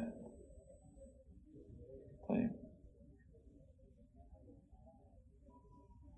Assalamualaikum warahmatullahi wabarakatuh. Assalamualaikum warahmatullahi wabarakatuh. Eh, bagaimana hukumnya makan eh, kita makan di tempat yang menjual alkohol, misalnya seperti bir, kayak gitu, walaupun kita nggak minum birnya, Ustadz. Baik. Rasulullah Sallallahu Alaihi Wasallam melarang seseorang duduk di tempat yang di sana diedarkan khamar. Kecuali Anda duduk untuk melarang mereka berbuat demikian. Tapi kalau hanya diam saja, tidak beramal ma'ruf dan mungkar, maka Rasulullah SAW mengharamkan Anda duduk di sana. Ya, kalau duduk di restoran tadi ketika ada khamar, Anda bilang haram kalian menuang kepada yang dituangi, yang menerima, yang mengantarkan semuanya dilaknat oleh Allah Azza wa Jal. Nah itu boleh Anda duduk di sana untuk mengatakan demikian. Tapi kalau nyantuk diam saja haram duduk di sana. Jelas? Beli, bawa udah. Atau kan ada yang apa namanya safari atau apa namanya beli yang langsung pergi gitu. Take away ha? kalau bahasa Indonesia nya apa itu? Bungkus bungkus. Ayah ada bungkus. Take away. Kalau di Arab namanya safari. Safari namanya. Bagus kan ya safari? Udah safari aja daripada bungkus ha? Berarti kalau misalnya kita beli makanan terus dibawa pulang nggak makan di situ nggak apa-apa ya Ustadz? nggak apa-apa. Terus kalau misalnya kan sushi kan ada mirinnya biasanya Ustadz. apa Ada mirin sushi. sushi Ada mirinnya. Mirin tuh kepala mananya miring kanan kiri Mirin, mirin Ustadz. Pakai mirin itu yang memabukkan Ya. Eh, alkohol sih. Hah? Alkohol. Mirin itu alkohol. arak Arak. memabukkan Buat arak masak. Memabukkan kalau diminum, Hmm, nggak tahu Ustaz. mabuk. Ah, mabuk. Oke. Memabukkan itu berarti dia khamar. Ya, Nah terus eh, khamar dimasukkan susi itu apa susi itu? Bukan yang jelas bukan menteri kan ya? ini makanan Jepang Ustaz. Apa ini susi itu apa? Nasi. Nasi ya ah, nasi biasanya eh, nasi kepal itu dicampur mirin Nasi enak. dikepal. Nah, terus dicampur Masukkan mirin ke biasanya. arak mirin, dikit dikit gitu. dikit aja. Terus Terus bi- ya biasanya diapain? Dibakar atau dimakan. direbus? Dimakan. Langsung dimakan. Enggak maksudnya di campuran saat bikin sushi itu biasanya dikasih mirin Ustaz. Campur dimakan begitu. Ya. Ah, tadi kan sudah kita jelaskan. Setetes saja, setetes khamar jatuh ke makanan semuanya menjadi haram. Nah kan kalau restoran tuh biasanya ada nawarin saat mau pakai mirin atau enggak. Kalau misalnya kita bilang nggak pakai mirin itu tetap nggak boleh juga Ustaz karena dia Berarti di restoran ini ada khamar. Iya kan ibu ya? Angkat kaki anda di restoran tadi pindah ke warung padang atau warteg. ya Ustaz. Jasa kalau khairan Ustaz. Allah Barakallahu fikum. Kalau jauh, ah, warsun juga banyak. Kalau enggak puasa dulu sampai ketemu yang halal. Baik. Fadal Wafwan. Assalamualaikum warahmatullahi wabarakatuh Ustaz Salam. Eh, Semoga Ustaz diberkahi oleh Allah Azza wa Jalla Dan juga panitia kajian ini Allah Eh, Mau bertanya eh, mengenai kurang jelas, ahi. Oke, Nah, jelas ya Oke iya. Eh, Mengenai mayones Mayonis, Ah, ah. Di situ salah satu komponennya adalah cuka brandy cuka, Brandy brandy, Brandy ya terus Jadi eh, itu ada di cuka brandy ini sama eh, apa namanya dibakar sampai menjadi bening seperti cuka. eh, cuka brandy dibakar sampai mendidih. dibakar, Oh, brandynya brandy dibakar. dibakar sampai mendidih. Sampai mendidih jadi seperti cuka. Semenjak setelah itu jadi cuka dia. Eh, dan digabung dengan cuka biasa. Jadi cuka Digabung- biasa. diga- digabung dengan cuka biasa yang Digabung dengan cuka biasa. Yang Ah. biasa dari apa? yang biasanya em- memang natural, murni Ah. cuka, tapi yang brandy ini eh, ada komponen alkoholnya, et- et- etanolnya. Ya, terus Eh, itu apa sebaiknya kita membeli yang lain atau seperti apa alternatifnya? Anda memproses atau sudah ada mayonis di depan Anda? Sudah ada di, di, di, di Mayonis di depan. Anda. Ah, Sekarang mayonis bukan ada lagi khamar alkoholnya sudah nggak ada kan ya? sudah nggak ada. Alhamdulillah. Boleh? Boleh tadi. Hasilnya adalah halal. Memprosesnya yang haram. Jelas? Allah yang beri. Nah, yang berikutnya eh, mengenai saya kan eh, apa eh, sedang mencari eh, pekerjaan Ya. di apa di, di di di beberapa perusahaan. Salah satu perusahaan yang saya lamar ini adalah perusahaan audit. Audit. Audit ya. eh, yang dia itu adalah menghitung resiko kerugian eh, perbankan tertentu, perbankan tertentu dan itu membutuhkan kerjasama dengan bank konvensional. Ba- bagaimana apa? Apakah saya boleh mengambil gaji tersebut sebagai sebagai mag- sebagai karyawan magang atau Sebagai apa? karyawan magang? Tidak boleh. Magang yang halal, magang yang halal, maaf, magang yang halal. Jangan magang yang haram. Nanti Anda dapat hasil yang haram. Jelas? Jangan mulai belajar belajar dari yang haram. Subhanallah berapa dua hari yang lalu ada seorang bapak-bapak yang sudah berumur 70-an. Dia bercerita ke saya, Ustadz, saya datang dari Sulawesi ke Jakarta ini bawa istri dan saya tidak punya siapa-siapa. Akhirnya ketika sudah lapar saya, saya pergi aja ke pasar. Saya datang ke orang yang jual beras, saya bilang, Pak boleh saya jualkan berasnya? Akhirnya dia mau, diberikan saya satu karung yang 45 kilo saat saya jual. Habis dapat untung, saya kasih uangnya ke dia. Besok dikasih saya dua karung seminggu setelah itu habis lagi habis lagi dua karung dua karung dia kasih saya satu truk habis lagi Ustaz. Sampai saya punya tanah banyak, saya beli tanah segala macam, ah, punya properti, ya, punya juga saya toko material. Itu magang yang bagus.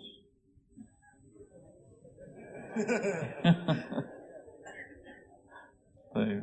Oke, eh, yang terakhir ini salah satu Ustaz sebelumnya mengenai eh, lomba. Apa? Mengenai lomba, Ustaz. Lomba.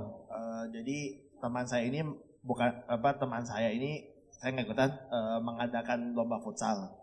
Dia Lomba futsal. ikut. Eh, teman saya bikin lomba futsal buat panitia. IO, panitia. Ah. lomba futsal. Ah, berarti lomba futsal. panitia lomba futsal. Eh, akadnya untuk pendaftaran ini sebesar 50 euro.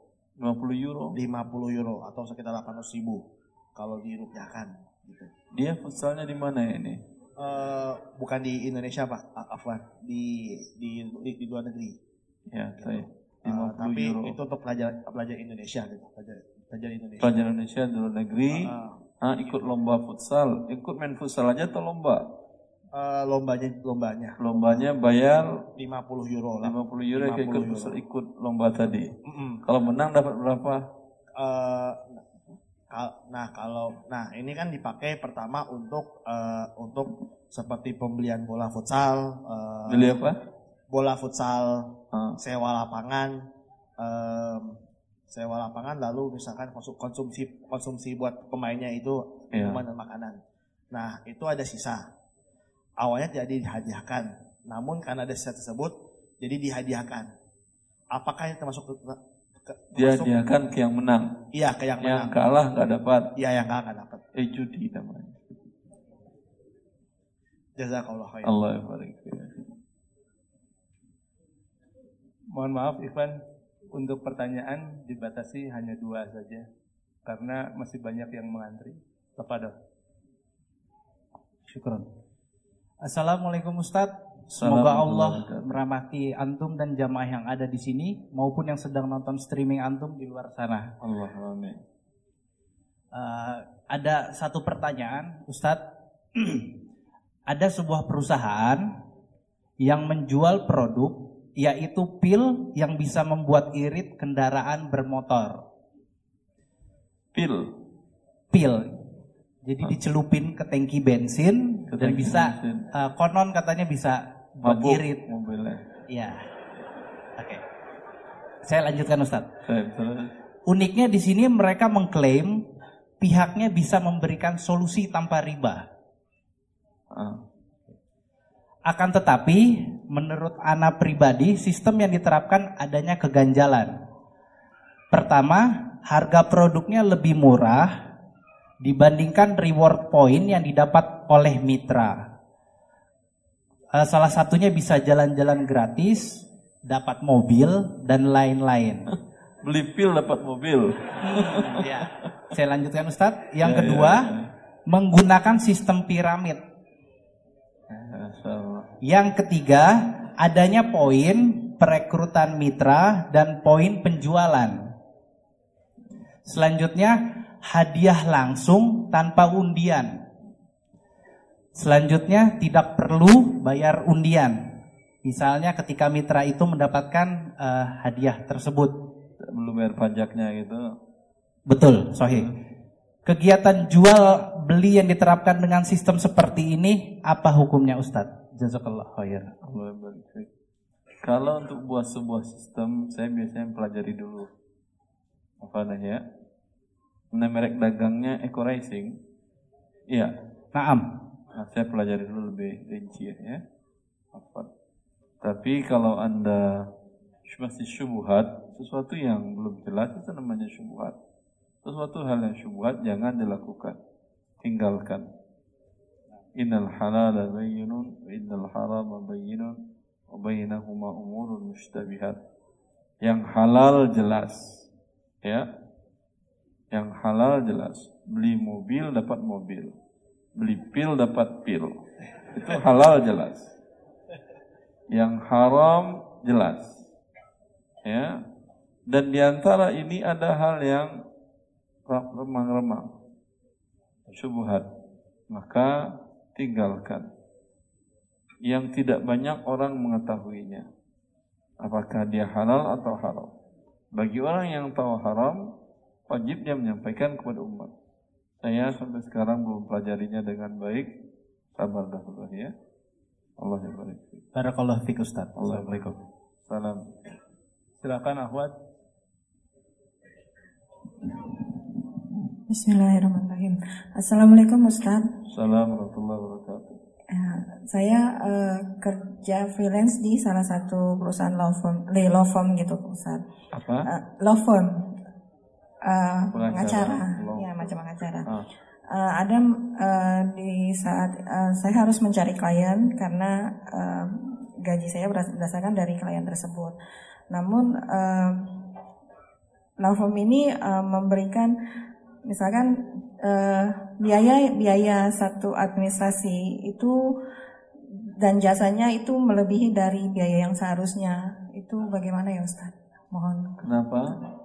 Eh, jasa dengan biaya yang seharusnya ada Yang seharusnya menetapkan seharusnya Ya, seharusnya ditetapkan, Ya, eh, sebentar. Jasa dan apa tadi administrasi ya yang seharusnya itu siapa yang menetapkan? eh, di salah satu perus- eh, apa eh, pemerintahan gitu Ustaz. Pemerintah menetapkan Ya. jasa dan administrasi sekian. Jasa law beda Ustaz.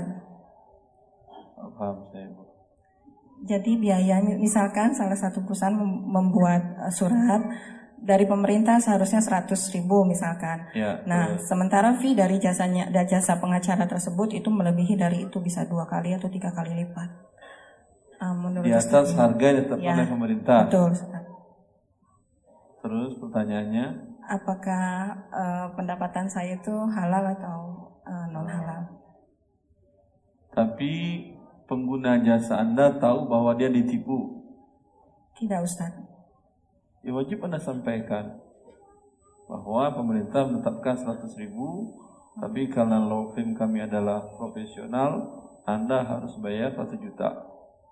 Oh, gitu, Kalau Ustaz. dia rela ditipu, ya Alhamdulillah. Hmm. Jelas Ibu, akadnya tapi jelas. tidak Anda sampaikan, tidak boleh. Karena ada ketentuan pemerintah. Baik, Jelas? Ustaz. Jelas Ustaz. Terima kasih Ustaz. Assalamualaikum warahmatullahi wabarakatuh. Assalamualaikum warahmatullahi wabarakatuh. Eh, semoga Ustadz selalu dilindungi oleh Allah Subhanahu wa taala dan hidup penuh dengan keberkahan Allah. serta kaum muslimin dan muslimat. Allahumma amin. Allah. Eh, pertanyaan saya Ustadz, eh, sebelumnya saya pernah baca di Harta Haram cetakan ke-20 halaman 101 di situ disebutkan bahwasanya diharamkan seorang dokter untuk memberikan resep obat-obatan yang mengandung gelatin babi. Iya. Sekalipun keberadaan gelatin hanya sebagai bahan campuran, hukumnya juga tetap haram. Iya. Nah, eh, pada kasusnya sebelumnya saya pernah dengar ceramah dari eh, ustadz lain yang berhubungan dengan imunisasi. Jadi untuk vaksin dari pemerintah, eh, insya Allah boleh gitu nih ustadz. Tapi pada kasus di lapangan, eh, saya sebagai asisten dokter spesialis anak, vaksin yang ditawarkan oleh dokter bukan hanya vaksin dari pemerintah, tapi vaksin yang impor dari luar negeri. Misalkan contoh kasus gini ustadz, ibu mau vaksin, anaknya vaksin yang demam atau yang nggak demam gitu. Nah, jadi ada ibu-ibu yang mau membayar mahal dengan vaksin yang tidak buat demam gitu, Ustaz. Nah, di situ eh, anak waktu lihat busnya itu kan, Ustaz, ada situ vaksin bersumber babi gitu, Ustaz, tapi nggak dijelasin bersinggungan dengan babi. Bersinggungan. Iya, bersinggungan dengan babi. Nah, jadi keterangan di dusnya pada proses pembuatannya bersinggungan dengan bahan bersumber babi gitu, Ustaz. Enzim babi ya untuk Mm-mm. pada tumbuhnya. Iya, Setelah benar. tumbuh diambil. Iya. Biasanya kalau yang dinyatakan halal itu setelah dia dikembangbiakkan di wadah atau media enzim babi itu dia dicuci sampai miliaran kali. Ini mungkin nggak dicuci dia langsung. Terus Kemudian ada vaksin lagi yang contohnya kayak di situ di dusnya jelas-jelas di- ditulis mengandung babi gitu Ustaz. Nah jadi Anda sebagai asisten apa yang harus Anda lakukan untuk eh, edukasi terhadap apakah boleh Anda edukasi terhadap dokter atau ke pasiennya langsung gitu dua-duanya bilang ke dokternya dia ada babinya dok, sampaikan kepada pasien. Kodarullahnya Ustadz, kemarin itu kita punya eh, pasien yang ibunya adalah muslim. Cuman ada ibu yang beliau mengatakan iya gitu Ustadz. Walaupun vaksin itu udah jelasin mengandung ba- babi. Babi mau dia juga babi. Iya Ustadz. Ah, bilang "Sa- bagi anda, bagi dokter anda muslim. Dokternya muslim juga Ustadz. Kalau muslim nggak boleh orang muslim menjual babi. Tidak halal dapat keuntungan dari penjualan babi tadi. Dan Nah, bilang yang ke muslim- pasiennya, kalau anda tetap mau yang pakai babi, cari tempat lain aja. Oke Ustadz. Ya, Kemudian eh, pertanyaan keduanya, bagaimanakah eh, hukum gaji saya sebagai asisten dokter spesialis tersebut, Kalau anda diam saja, tentu sebagian gaji anda ada hasil penjualan babi. Ya, maka sebagian tadi tidak halal. Maka kewajiban anda adalah menyampaikan kepada kedua belah pihak untuk menghindarinya. Syukran jazakallah khair Ustadz. Iwan silakan. Assalamualaikum warahmatullahi wabarakatuh. Assalamualaikum warahmatullahi wabarakatuh. Saya langsung ke pertanyaannya aja. Eh, yang pertama, saya bekerja di sebuah perusahaan training. Ah, jadi perusahaan training, Trading. itu punya apa ya? eh, istilahnya kita punya pimpinan bos, bosnya itu bilang kita nggak boleh kalau misalkan eh, training untuk training, misalkan kliennya bank gitu, itu nggak diperbolehkan. Nah, Qadarullah kemarin eh, ada perusahaan eh, lain minta ke perusahaan saya untuk eh, jadi trainer di perusahaan leasing. Oh. Nah seperti itu. Itu boleh atau enggak outsourcing kayak gitu, Stad? Itu aja sih. Ulangi, Kan outsourcing ya, jadi kan perusahaan B butuh orang, terus saya datang, terus saya ng- ngisi di leasing. Dan qadarullah saya juga baru tahu itu leasing ternyata, karena perusahaannya baru jadi tiga hari sebelumnya gitu. Itu bagaimana Ustaz Eh, tentang harta yang saya Sudah dapat dari terjadi situ? atau belum? Apa tuh? Sudah terjadi Sudah terjadi dan eh, uangnya masih belum saya apa-apakan sih sampai sekarang. Alhamdulillahnya. Bertobat kepada Allah Azza wa Jal, ini uangnya tidak halal sama sekali. Ya, kecuali Anda mentraining mereka agar mereka menutup lagi perusahaan haramnya itu. Tapi mentraining mereka agar mereka semangat bekerja haram, berarti Anda telah berdosa. Nah, jadi eh, haram ya Ustaz ya kayak gitu ya. Ya. Oke. Eh, satu lagi pertanyaan, eh, saya pernah waktu itu training di sebuah eh, hotel eh, di Jakarta. Jadi qadarullah waktu itu eh, hotelnya itu memang eh, agak ke barat-baratan gitu. Ada agak agak ke barat-baratan gitu ya, pokoknya makanan barat sana lah kayak gitu lah. Ya. Nah, eh, gini, saya waktu itu breakfast, ya kan? Eh, breakfast waktu itu makanannya ayam sama eh, di situ ada bir, bir, susu dan jus. Qadarullah air putih waktu itu katanya sedang dalam perjalanan agak lama. Saya waktu itu breakfast sekitaran jam 9-an lah udah mau mulai. Nah, eh, gini, kalau saya minum jus air keran ada, ada. Wah. Kayaknya ada sih, cuman Ya nggak ngecek udah, waktu itu. cukup. Air zam-zam itu kan dari keran kan keluarnya kan ya udah. Terus? Ya, waktu itu kan kaderullah saya kan lagi sakit juga. Jadi kalau minum eh, gula sedikit langsung batuk. Kalau Ya, minum air susu keran, air keran. Air keran. Terus terus terus dulu ya. Susu batuk. Ya, Kalau kalau susu saya alergi, susu Terus? sapi. Kalau jus ya itu tadi saya takutnya gulanya nggak murni, jadi gulanya ke tenggorokan. ah, terus apa lagi? Itu jadi adanya bir saya ah bir belum pernah kayak tapi nggak saya nggak saya sentuh kok nggak cuman kayaknya kalau bir kan saya belum pernah ngerasain efeknya kayak gimana emang nggak boleh ya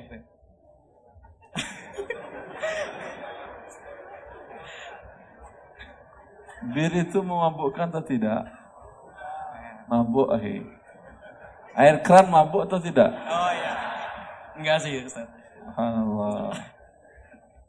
oke minggu Antum ya ikhwan, air huwa alladhi nazzala huwa alladhi yunazzilu 'alaikum minas sama'i ma'an tahura. Dalam makna liyutahhirakum bih. Allah menar- menurunkan dari langit air yang mensucikan kalian. Ya. Jika hu- kalau pas lagi hujan atau tidak? Kalau lagi hujan keluar aja ada gini kan Eh, lagi kemarau Ustaz Langsung dari langit Allah memberikan Anda nikmat.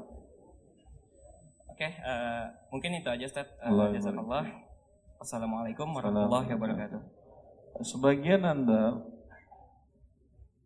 Kalau Anda pergi umpamanya umroh atau haji, Anda lihat di sebagian rumah-rumah kaum muslimin yang ada di sana itu, atau bahkan di tempat-tempat umum, ada tempat diinjak keluar air, atau kadang ada gelas, kadang pakai minum langsung, itu air biasa, air kran, air yang disuling dari air laut. Ya, memang layak untuk diminum, cuman kalau di sana udaranya panas, mereka pakai pendingin sehingga anda minum air dingin. Itu air kran sebetulnya. Tidak ada masalah minumnya air kran. Ya. Baik. Assalamualaikum warahmatullahi wabarakatuh. Assalamualaikum warahmatullahi wabarakatuh. Uh, semoga Allah menjaga kita semua, kemudian keluarga kita dan ustadz ustadz kita, Ustadz Erwandi. Uh, Allahumma amin. Ustadz, dan seluruh para ustadz kaum muslimin. Amin, amin. Seluruh ustadz kaum muslimin. Pertanyaannya gini, Ustadz. Uh, sebagai karyawan, kadang kita merasa jenuh dengan uh, rutinitas kerja, sehingga kita merasa uh, pengen mencari kerjaan di tempat lain. Uh, bolehkah kita mencari pekerjaan lain, melamar-lamar di tempat lain, uh, di mana posisinya kita masih sebagai satu karyawan dari perusahaan tertentu, di mana uh, atasan, kemudian uh, pimpinan dari perusahaan uh, tempat tempat bekerja kita itu membolehkan seandainya ada karyawan yang mau uh, keluar mencari pekerjaan lain. Tapi secara syariat bolehkah misalkan kita masih sebagai karyawan dari perusahaan A tapi kita mencari pekerjaan di tempat lain? Itu aja Jazakallah Allah Anda masih terikat kontrak atau sudah selesai? Masih terikat, Ustaz. Masih terikat kontrak, statusnya masih pegawai. Betul, pegawai tetap. Kalau pegawai tidak boleh Anda menawarkan jasa Anda kepada siapa pun juga. Hmm. Meskipun dengan pengetahuan dari atasan atau manajemen seperti itu, Ustaz. Atasan pemilik perusahaan atau bukan? Bukan. Tapi dia misalkan masuk dalam manajemen uh, perwakilan dari pemilik perusahaan seperti itu. Andai Anda pemilik perusahaan, ada karyawan seperti itu, Anda biarkan atau Anda pecat langsung? Tolak langsung. Wallahu alam, semoga. ya akhi, tidak ada pemilik perusahaan membolehkan karyawannya yang masih terdaftar untuk mencari kerja ke perusahaan yang lain. Secara syariat ini juga haram. Rasulullah SAW melarang seorang menjual atas penjualan saudaranya dan membeli atas pembelian saudaranya. Bahkan menawar atas penawaran saudaranya. Terikat kontrak berarti jasa Anda sampai akhir kontrak itu sudah dibeli. Tidak bisa Anda jual kepada siapa pun juga. Berhenti dulu, setelah Anda berhenti, baru lamar ke perusahaan yang lain. Berarti harus berhenti dulu ya? Ya. Harus berhenti dulu. Betul. Nah, Allah barik Silakan Ahwat. Assalamualaikum warahmatullahi wabarakatuh, Ustaz. Assalamualaikum warahmatullahi wabarakatuh.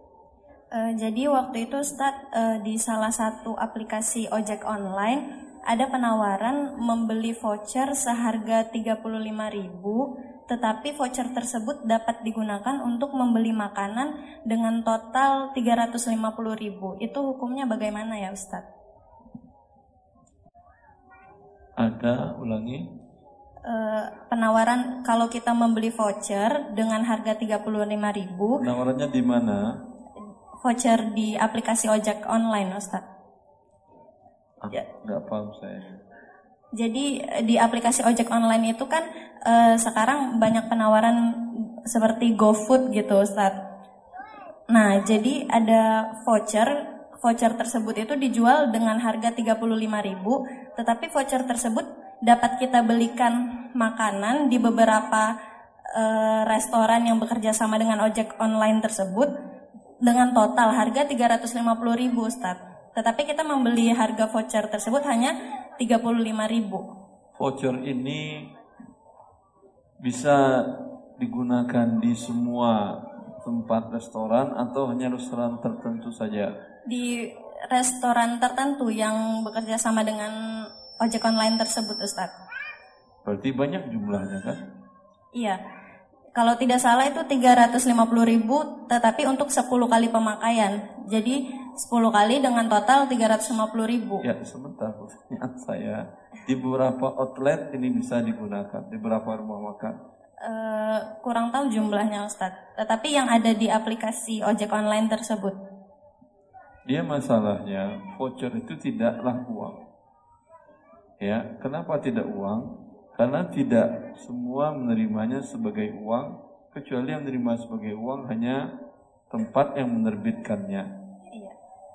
Ya, ketika dia tidak uang, maka boleh ditukar dengan harga yang berbeda. Seperti Anda membeli pulsa, pulsa kan bukan uang. Boleh ditukar dengan uang dengan harga yang berbeda. Tertulis umpamanya 100 ribu, Anda dapat pulsa 105 ribu, atau sebaliknya dapat pulsa 90 ribu. Ya, dia bukan uang. Karena kalau uang bisa digunakan di mana pun juga. Tetapi kalau fungsi voucher tadi digunakan luas, bisa di semua rumah makan yang bekerja sama dengan perusahaan online tadi, ya ini dia bisa berubah menjadi uang. Paham maksud saya ibu? Iya. Ketika dia berubah menjadi uang, maka tidak boleh dijual berlebih dari harga uangnya. Kalau ditukar berlebih terjadi riba fadal. Terima kasih Ustaz. Assalamualaikum warahmatullahi wabarakatuh. Salam. Bismillahirrahmanirrahim. Assalamualaikum warahmatullahi wabarakatuh. Salam. Ustadz mau nanya, eh, saya kan kerja di bagian HRD di rumah di eh, perusahaan saya. Eh, saya itu sering banget dapat eh, pasti kita pertama harus eh, mem- memberikan apa yang eh, karyawan itu butuhkan ya kita bantu. Misalnya dia mau bikin eh, rekening bank yang pasti untuk penggajian itu bank yang kita pakai konvensional. Terus kalau misalnya dia mengajukan kredit gitu kan dia membutuhkan persyaratan eh, surat keterangan kerja dan itu keluarnya dari HRD juga. Eh, belum lagi kalau ada konfirmasi dari bank terus dia nelfon banknya ke kita yang angkat HRD terus nanya "Eh, ini kepentingannya untuk apa untuk pengajuan kredit itu udah jelas-jelas banget gitu Ustadz. Ya. Di sini saya kan eh, posisinya seperti apa ya Ustadz? Kebagian dosanya nggak nih Ustadz? Bukan kebagian dosanya. Gara-gara Anda dia berbuat dosa kan ya? Kalau tidak Anda setujui kan tak jadi berbuat dosa dia. Iya, Iya atau Ustaz. tidak Ibu? Iya betul. Em, bisa kasih solusi nggak Ustadz seperti apa baiknya Ustadz? Solusinya buat HRD yang tidak melakukan itu. Saya HRD hal-hal yang haram, hak saya untuk tidak melakukannya. Bisa? Insya Allah Ustadz. Alhamdulillah. Kan bisa ada solusinya. Iya Ustadz. Ada beberapa kaum muslimin yang melakukan hal demikian ada. Bahkan ada pejabat di kepolisian di suatu daerah bila ada Kapolres kalau saya tidak salah, bila ada bawahannya yang melakukan akad-akad riba dia tidak mau. Ya. Ini baik. Bukan tujuannya Anda ingin menghalangi orang untuk mendapatkan dunianya. Tapi tujuan Anda niatkan untuk menghalangi orang masuk neraka. Dan agar juga Anda tidak masuk neraka. Dan berikan dia solusi. Katakan kepada dia, kalau untuk keperluan riba saya nggak akan bantu Anda. Tapi kalau Anda butuh juga, sebaiknya Anda bertransaksi dengan lembaga X, Y, Z yang tidak ada dia unsur ribanya. Saya akan tanda tangani dan bahkan saya bantu teleponin, saya ikutin sampai cair, sampai Anda terima barang yang Anda beli dengan dia mungkin dengan cara merubah, dengan cara ijarah dan lain-lainnya. Jelas? Iya baik Ustadz. Ya. Eh, kalau misalnya saya bukan seorang yang punya kewenangan pengambil keputusan, lalu saya berusaha untuk mengarahkan eh, karyawan saya ini kepada yang tadi Ustadz maksudkan untuk ke lembaga lain yang lebih syari. Em, sementara eh, sebenarnya saya sendiri belum meminta izin daripada perusahaan gitu kan Ustadz. Eh, Tidak apa-apa. Tidak apa-apa ya Ustadz. Iya. Karena kalau saya tidak salah ada undang-undang yang menyatakan semua kontrak yang tidak halal ya itu batal cacat demi hukum. Anda bekerja di kontrak untuk mengelola bagaimana karyawan jadi baik, bukan bagaimana mereka berbuat yang haram. Hmm, begitu ya Ustaz. Eh, itu saja Ustaz. Jazakallah Iya. khair. Assalamualaikum warahmatullahi wabarakatuh. Ya, Ikhwan, terkadang kita kitanya yang syaitan di dalam tubuh kita membisikkan kita, oh jangan, kamu nanti dikira orang saklek. Oh jangan, nanti kamu dikira orang aneh. Ya kan biasa aja, HRD, ah tinggal kasih tanda tangan, ah tinggal kasih surat rekomendasi, ah keterangan. Ya, Anda tidak tahu akibat, Anda padahal tahu akibat dari ini adalah surga atau neraka. Dengan posisi Anda tadi, bila Anda bantu karyawan-karyawan tadi untuk mendapatkan kebutuhan dunianya dengan cara hal yang halal, Anda mengalir terus pahalanya kepada Anda dengan cara ini. Ya. Terus. Silakan Ikhwan. Assalamualaikum Ustaz. Assalamualaikum warahmatullahi wabarakatuh. Dan Ustaz dan jemaah semua di Kurang jelas. Agak maju Mas. Agak maju. Oh iya. Di Ustaz saya pedagang sepatu di bawah Ustaz. Masya Allah. Di sana saya terdapat menjual Gak boleh jualan di masjid tadi ya. Nah, terus.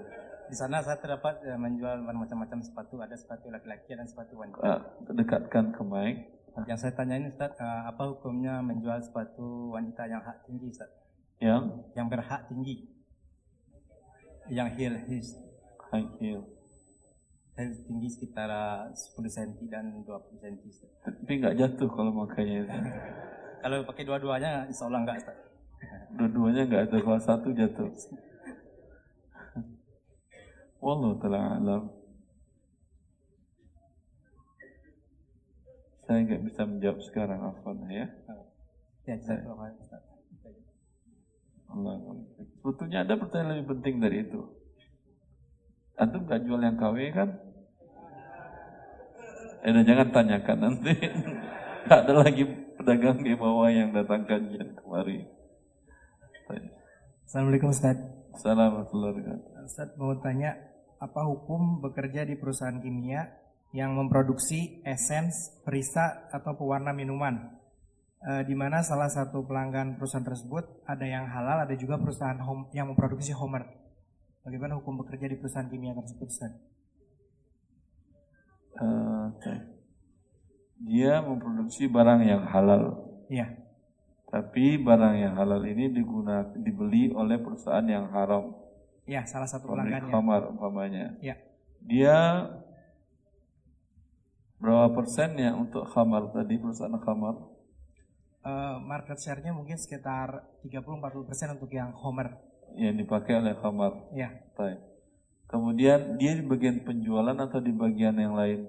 Di eh, production, Ustaz.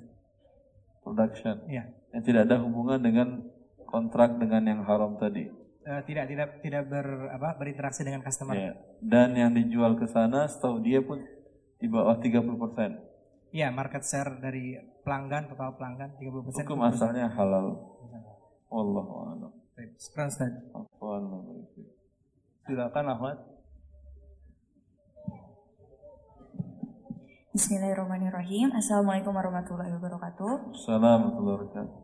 Jazakallah khair Ustadz atas ilmunya. Semoga kami semua yang ada di ruangan ini mendapatkan keberkahan dari ilmu yang Ustadz sampaikan. Begini Ustadz, saya ingin bertanya terkait, eh, tapi mohon maaf ini bukan tentang topik Komar. Jadi begini Ustadz, ba- eh, bank syariah itu kan belum 100% syariah ya Ustadz. Lalu eh, kami, saya, mungkin juga umat yang ada di ruangan ini dan umat muslim di Indonesia secara umum, eh, kami memerlukan tempat untuk menyimpan uang yang aman dan eh, kalau kami taruh di bank konvensional, udah jelas-jelas pasti 100% riba ya Ustaz. Nah, nam- namun kalau di bank syariah, eh, bukankah juga belum 100% syariah? Namun kalau saya, eh, karena saya teringat dulu ya pernah eh, belajar tentang kaidah fikih, untuk zaman sekolah kalau tidak bisa dilakukan semua maka jangan tinggalkan semua. Kemudian saya ikhtiar dengan menaruh uang saya di bank syariah karena saya menghindari menaruh di uang di bank yang jelas-jelas sudah menggunakan riba Ustadz. Kalau bank syariah saya berpikir oh eh, mungkin dia sudah berusaha untuk menjalankan kaidah fikih tersebut sehingga saya menaruh uang saya di sana karena kalau saya taruh di bawah bantal juga nggak aman Ustadz. Jadi saya Kan nggak mau, kan nggak aman. Leher anda juga cengklak. bagaimana ya hukumnya Ustadz? Ah, Jadi ikhtiar saya ini saya taruh uang saya di bank syariah gitu. Dibanding di bank konvensional. Hukum akan Anda menabung itu adalah qard, meminjamkan uang kepada pihak yang menerima tabungan tadi. Selagi Anda meminjamkan kepada dia, tidak ada pertambahan dan tidak digunakannya untuk bermaksiat kepada Allah Azza wa Jal, maka hukum asalnya boleh. Di bank syariah ada produk-produk yang tidak ada pertambahan ada ada tabungan yang tidak ada pertambahan. Minta ke mereka, saya mau tabungan tidak ada bagi hasil, tidak ada hadiah, tidak ada apa-apa, hanya untuk keamanan uang saya. Berapa yang saya store, segitu yang saya terima. Kami potong dengan admin ibu, kata dia, ya silahkan nggak apa-apa. Ya banyak orang yang tidak ingin dipotong dengan admin. Kok dipotong admin? Ustaz, emang berapa adminnya biasanya 20 ribu? 20 ribu itu yang disimpan, yang dia pegang uang Anda dalam dalam angka puluhan juta. Ya atau tidak? Pun sebulan. Ah, Anda taruh sendal aja 2000 per satu sholat. Harga sendal Anda berapa rupiah? Mau Anda bayar? Ya, kalau dipotong dia administrasi, itu murah administrasinya nggak apa-apa. Jelas? Allah taala alam, ambil produk yang itu ibu. Kalau anda ragu juga, ambil produk yang SDB, safe deposit box, ya, simpan uang anda di sana dan harta-harta kekayaan anda di sana itu tidak akan digunakan oleh bank tadi. Baik. Oke, terima kasih Ustadz. Berarti Ya. eh, masih lebih baik ya Ustadz eh, ketika saya menggunakan bank syariah dibandingkan dengan menaruh uang di bank konvensional yang jelas-jelas sudah riba. Iya, dengan syarat produk yang tadi yang saya sampaikan. Iya Ustadz. Alhamdulillah saya menaruh uang saya di akad wadiah. Jadi tidak ada pertambahannya dan eh, dipotong biaya admin saja. Iya. Terima kasih Ustadz. Jazakallah Allah khair. barik Assalamualaikum warahmatullahi wabarakatuh. Assalamualaikum warahmatullahi wabarakatuh. Eh, saya ingin bertanya Ustadz, jadi kebetulan saya itu bekerja di Ini eh, ilmu udah tiga ini. Dua ini yang kedua apa yang ketiga? ke- kedua. Ah, silahkan. Eh, jadi saya bekerja di kontraktor Pak di yang menjual jasa konstruksi. Jadi eh, di sana saya sebagai staf quantity yang menghitung volume pekerjaan. Tapi di lapang eh, saya kan mengecek lapangan Ustadz. Saat di lapangan itu eh, apa terkadang saat kita ngecek pekerjaan mandor ataupun vendor itu kadang dikumpulin terus tiba-tiba diajak makan ataupun misal saya tiba-tiba dapat amplop tuh Ustadz bilangnya udah terima aja nggak apa-apa mbak kayak gitu. Sebenarnya itu hukum uang yang saya terima itu halal atau tidak. Dan kadang juga misal eh, pas untuk pengurusan penagihan itu kan saya mengecek pekerjaannya nanti sebelum saya menyelesaikan pekerjaan saya untuk mengecek itu pihak vendor ataupun mandor itu kadang ngasih bingkisan gitu loh Ustadz. Nah, bingkisan itu sebenarnya hukumnya halal atau haram untuk saya terima, baik dalam bentuk uang ataupun makanan. Terima kasih Ustadz. Ini semuanya haram ibu, termasuk riswah. Pemberi dan penerimanya kata Rasulullah finnar dan neraka. Ar-rashi wal murtashi finnar. Pemberi riswah, penerima riswah dalam neraka. Bertobat kepada Allah SWT, jangan lakukan lagi. Yang sudah berlalu, yang ingat anda nominalnya, maka berikan kepada fakir miskin.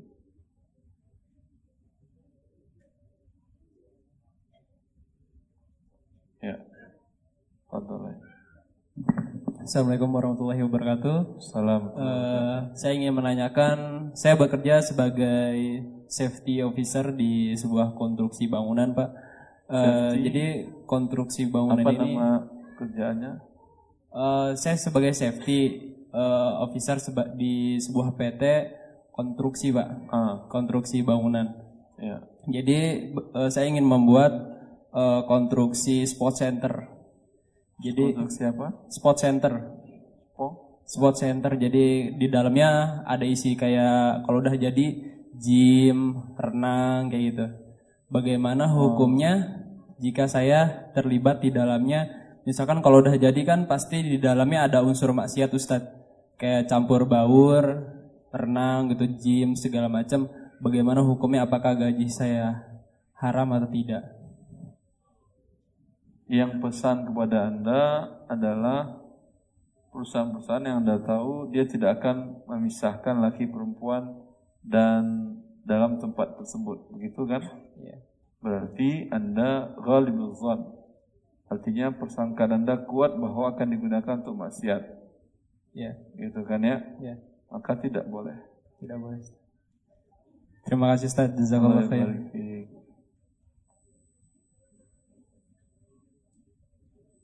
Assalamualaikum Ustaz. Assalamualaikum warahmatullahi Semoga Allah memberi rahmat kepada kaum muslimin dan Ustaz. Allahumma amin. Dahulu saya belum mengenal kajian dan saya masuk kerja dengan cara tidak benar, dengan Ya. cara hukum menyogok. Qadarullah Allah memberikan hidayah kepada saya Iya. dan saya mulai mengaji. Apakah saya masuk dengan cara batil? Apakah gaji yang saya makan haram atau halal? Baik. Sekarang Anda terus sebentar berdiri dulu. Semoga Allah Subhanahu wa taala beri istiqomah kepada Anda dan kita semua kaum muslimin untuk selalu taat kepadanya. Adapun kesalahan masa lalu, ya, tinggal Anda sampaikan kepada pihak HRD, bagian kepegawaian, apakah saya dengan ini ada konsekuensinya perbuatan lalu saya? Kalau dia mengatakan iya, terima. Biasanya pihak ARD-nya hanya melihat apa kemampuan kerja Anda selama ini. Kalau menurut dia Anda bekerja cakap dan dibutuhkan oleh perusahaan, tentu dia akan mengatakan tidak ada masalah. Ya. Maka kewajiban Anda menyampaikan kepada pihak ARD ini yang terjadi waktu saya masuk perusahaan ini. Ya, Allah barik. Syukran Ustaz. Afwan. Mohon maaf, Ustaz cukup waktunya Ustaz. Cukup. Ya, Ustaz.